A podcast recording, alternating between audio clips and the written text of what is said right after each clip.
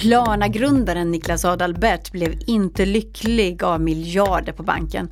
Nu lanserar han en app som ska få oss att må bättre. Men funkar den? Johanna Ekström har testat. Och så kommer Stefan Lundell hit för att prata om vem som tar vem av e-handlarna.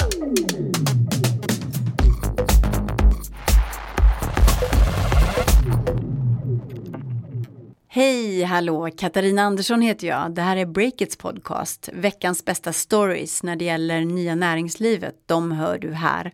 På runt 20 tajta minuter. Och snart så kommer Stefan Lundell hit och berättar om e-handlare som slukar varandra.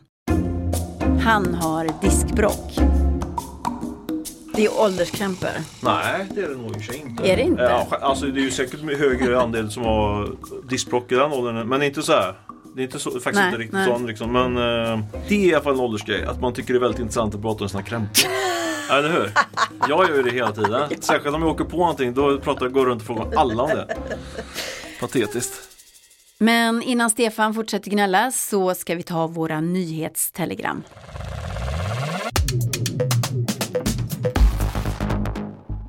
I veckan stod det klart att Isabella Löwengrip och hennes parhäst Pingis Hadenius säljer sitt skönhetsbolag Löwengrip Beauty. Köpare är det norska bolaget Derma Nordic. Ingen av parterna vill kommentera hur mycket bolaget såldes för men enligt uppgifter till Breakit så handlar det om en affär på ungefär 50 miljoner kronor. Löwengrip Beauty har varit kronjuvelen bland Isabella Lövengrips bolag och varit lönsamt sedan starten.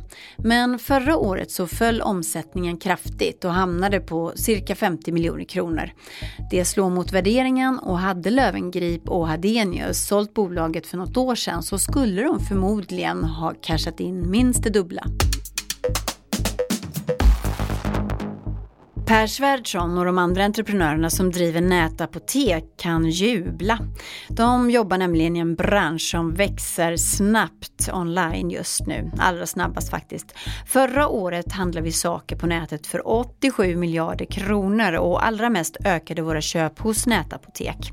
Det här visar en ny rapport från Postnord, Svensk Digital Handel och HUI Research. Sammanlagt så köper vi krämer, Alvedon och andra apoteksvaror för 5 miljarder kronor och det är en ökning med 36 procent jämfört med förra året. Per Svärdson var tidigt ute med att sälja apoteksvaror online. Han meddelade nyligen att hans bolag Apotea sålde för 2,7 miljarder kronor med fortsatt gott resultat under 2018. Men under året har också Apotea-utmanare som Meds och Apohem satsat stort på att locka kunder. Meds har till exempel lockat kunder med en reklamfilm där artisten Måns Zelmerlöw rider naken på en häst över en sommaräng. Och nu om en dansk vinapp som retat gallfeber på Systembolaget. Vivino heter appen. Den fungerar lite som ett socialt medie för vinentusiaster och backas tungt av riskkapitalister. Betala med kort i kassan och få vinerna levererade hem till dörren med Budbee skrev bolaget till sina svenska kunder i ett mejl.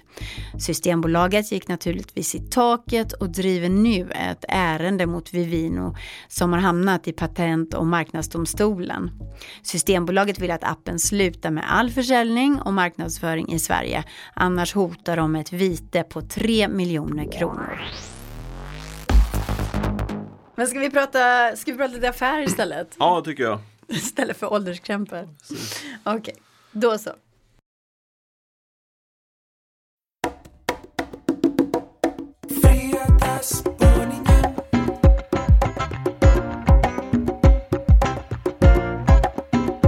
De senaste åren så har det pumpats in riskkapital i svenska e-handelsbolag och många av dem har växt i en rasande fart.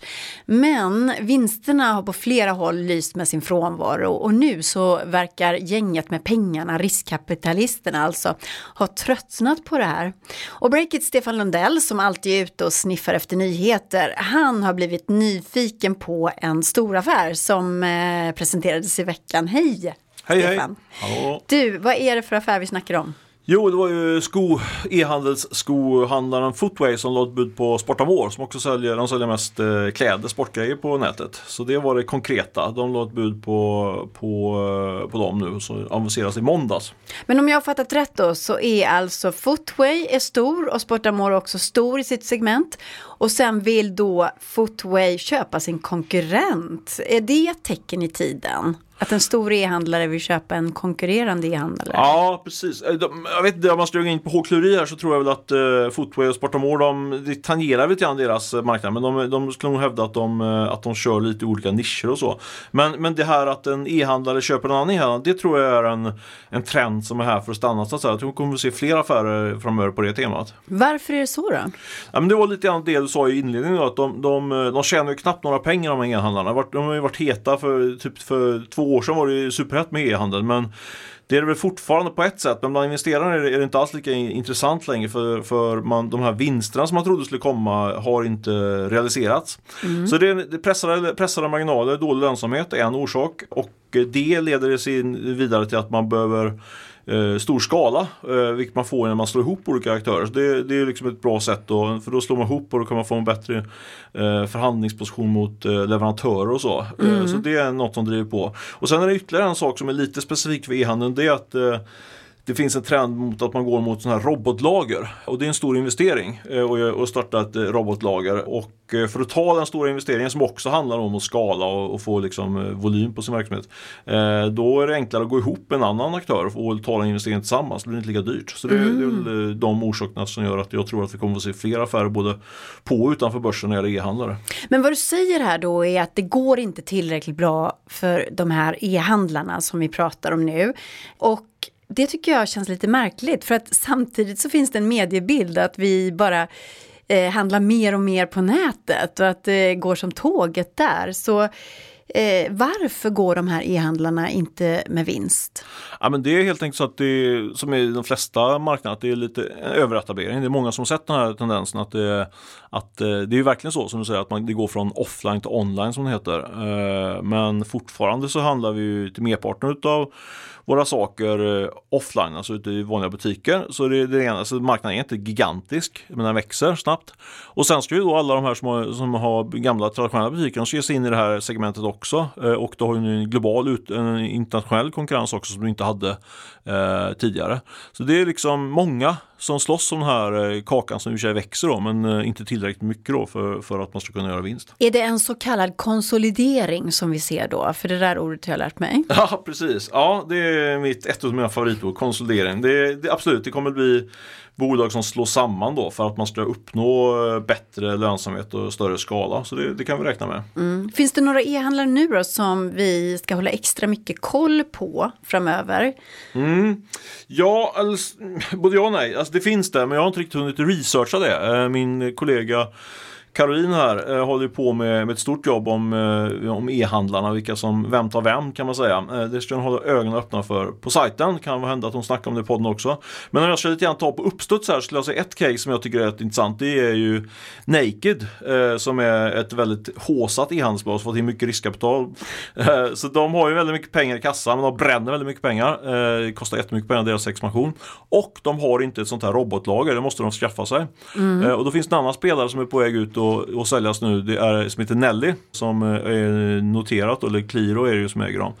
Och de ska också byggas ett robotlager så varför inte slå ihop de två då? Så tar de den kostnaden tillsammans och de eh, Jarno vars efternamn jag aldrig lär mig uttala. Vanatapio. Ja, snyggt, du kunde mm. det. Eh, han Bråsare. har ju faktiskt, eh, ja precis, muraren från Brås tror jag han är. Han är utbildad murare. Men var det inte så Nej, att det Jarnos bolag är ju Nelly, först sålde han ju Nelly. Exakt, det var det jag försökte komma ja. till. Jag är ju lite seg för att komma fram till poängen men det finns den här kopplingen också. Han, så... har ju han har grundat Nelly precis och nu kanske han då kan slå ihop det här med, med Naked. Men det är en sak som jag skulle lägga till där och det är när man pratar om här, vem köper vem och sådär. Det brukar vara det, det stående och det som man kan vara allra säkrast på det är att man inte lyckas gissa rätt där. För det är väldigt svårt att få ihop det där. Det är ju sådana investmentbanker, eh, regelbundet sådana listor på de kommer köpas, gå ihop och sådär. Men det brukar väldigt sällan bli rätt faktiskt.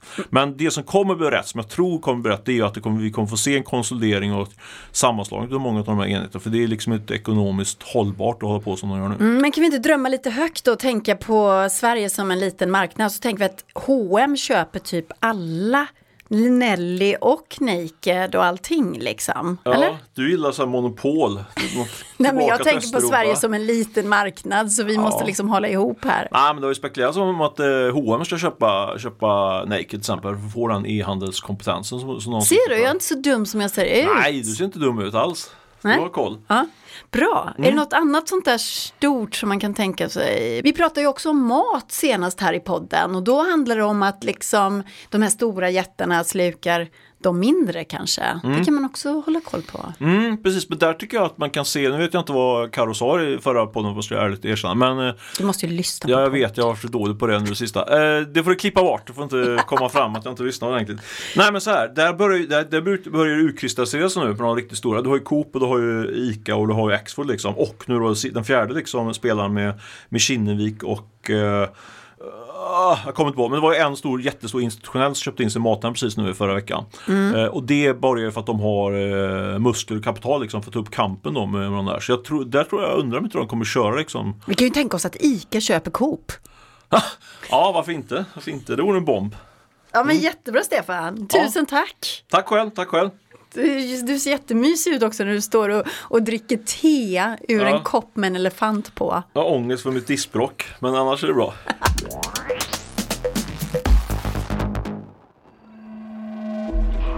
Hej, det här är Olle på Breakit och den här veckan välkomnar jag Oracle NetSuite tillbaka, jättekul tycker vi, som sponsor av Breakits podcast.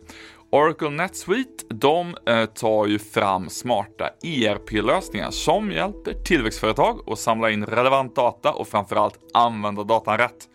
Eh, att samla in data, det är ju väldigt lätt idag, men att hantera den på bästa sätt, det är verkligen en helt annan femma. Eh, det framgår av Oracle NetSuites rykande färska rapport Unlocking Growth. Av 1050 tillfrågade personer på eh, höga positioner i företag i Europa och Mellanöstern så uppgav 93% att de ofta kände sig överväldigade av all data som samlades in.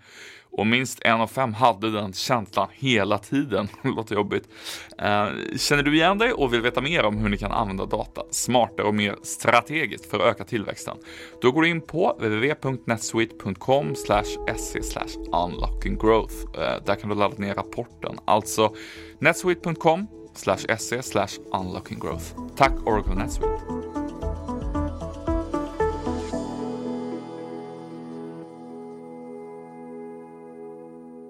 En, två, tre.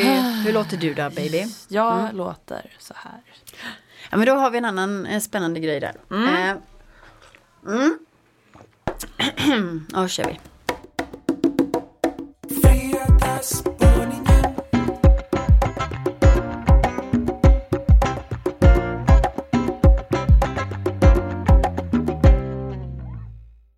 Meningen med livet är ju något som har diskuterats i urminnes tider och en som verkar ha tänkt extra mycket på det här är ju Klarna-grundaren Niklas Adalbert. Han lyckades bli miljardär men pengar på banken det gjorde honom inte lycklig upptäckte han. Och nu så lanserar han en app som ska få oss att må bättre. Och här ska ni få en liten scen från Breakits redaktion tidigare idag.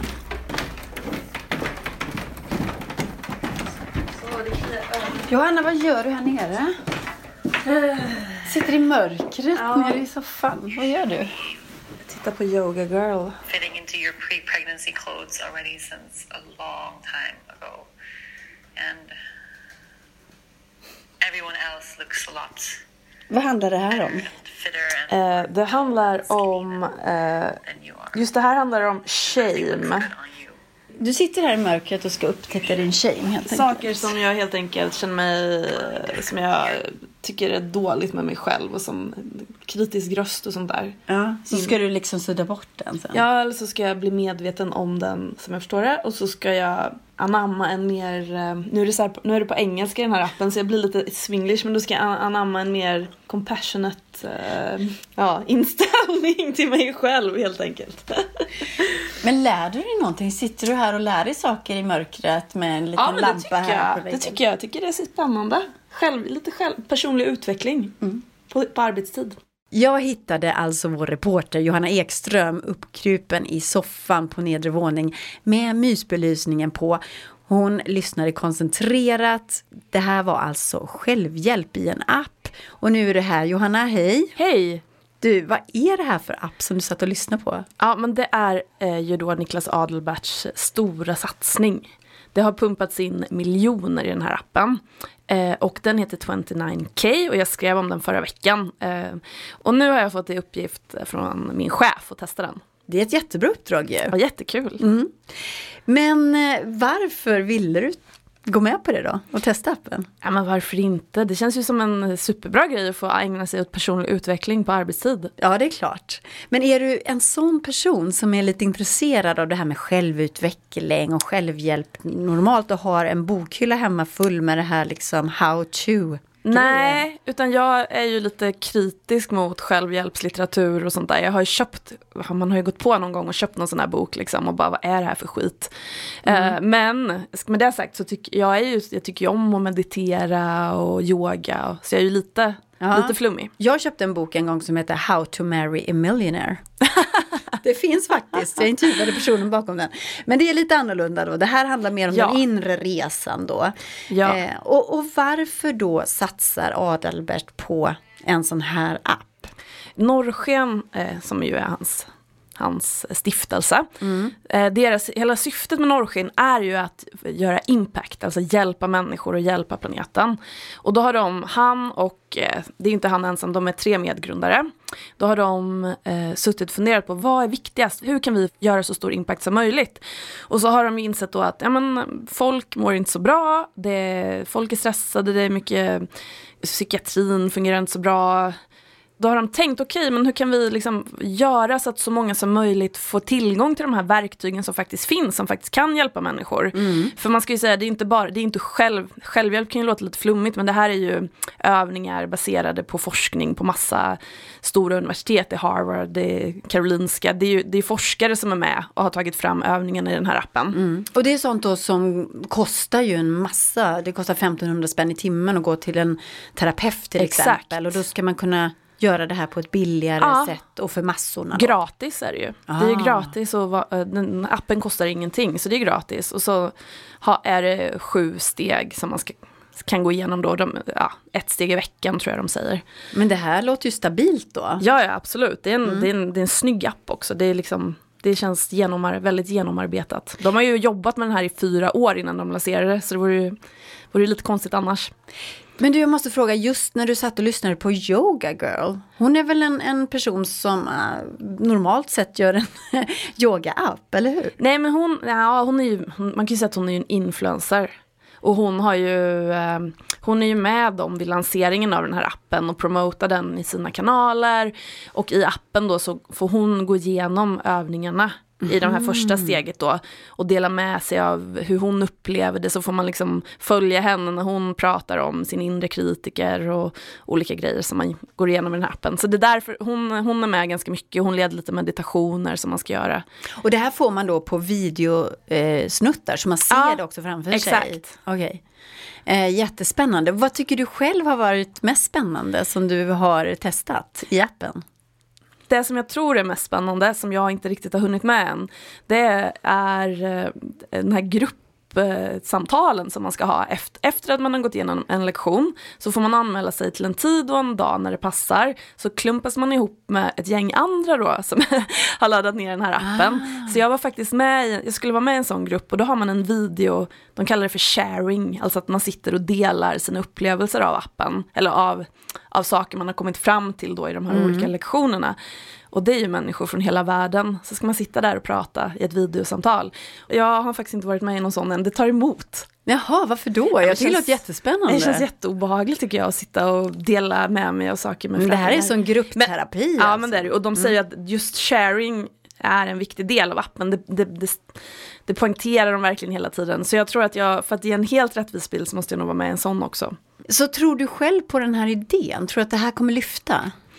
Ja, ja, jag tror att för att det ska fungera känner jag, då måste man verkligen, man, man, det är inte så här du laddar ner appen och så gör du lite halvhjärtat, utan du måste verkligen gå in för det här och fokusera och verkligen göra övningarna om det ska ge effekt. Mm. Det är ganska uppenbart, det är inte så här som, vi, som jag tänkte först, ah, ja men det här kan jag väl göra lite med vänsterhanden. Så är det inte, utan man måste sätta sig ner och fundera och skriva ner och ta tiden. De har ju pumpat ner mycket pengar i det här och det verkar finnas mer pengar men de hoppas väl på att få in bidrag och samarbeten med, med statliga institutioner och sådär i framtiden så att de kan fortsätta driva det. Och sen har de ju också ett större mål då och det är ju att fem miljoner människor ska, ska få hjälp med den här. Och då tänker de att om man blir en bättre person, om man blir snällare mot sig själv, om man lär sig sin mening, Ja. då, då är man också en bättre medmänniska. Och då påverkar man andra och då vill man inte heller förstöra planeten. Nej, då blir så. som, eh, det blir som vågor på vattnet som bara sprider Exakt, så det sig. blir också Ja. bättre för, för planeten, tänker de. Tänk fem miljoner bra människor som har gått igenom appen. De kommer bara Ja. sprida sina vibbar. Nej, men börjar man så här fundera, börjar man titta inåt och så här, då inser man ju att nej, men det kan, viktigaste i livet kanske inte är att jobba stenhårt och tjäna massa pengar så att man kan konsumera, utan då börjar man ju så här, ja men vad är viktigt i livet? Okej, men det här är det riktigt stora målet då, eller? Ja, exakt. Ja, ja. Jag måste fråga dig om Adalbert då, som Mm. jag tänker nu nästan har nischat in sig som godheten själv här. Vi vet ju den här gamla historien om hur han sålde sina aktier i Klarna, lämnade och hade miljarder på kontot, åkte till Las Vegas och satt och grät på ett hotellrum för att han hade shoppat och kände att han fick ju inte ut någonting av det här. Att man profilerar sig som en, en entreprenör som vill göra gott, kan det hamna i eh, dålig jord liksom? Kan det mötas med skepsism och sådär? Eller tycker du att han har lyckats i den resan att skapa norrsken och produkter som den här appen till exempel? Nej men Norrsken är ju väldigt hypade och han är ju väldigt hypad och våra läsare tycker om att läsa om honom. Jag tror att, vem vet, det kanske kommer en backlash för Norrsken, att de blir granskade på något sätt. Men än så länge så är de ganska, ses som ganska, de är de goda. Ja, så, inte. så ligger landet nu alltså? Ja. Eh, och sen så tänker jag också så här att vi pratar ju väldigt mycket om det här med psykisk ohälsa, att vi mår sämre, vi stressar mer, vi sover för dåligt. Och sen har skärmen, alltså mobilskärmen fått ta mycket skit för våran ohälsa så att säga.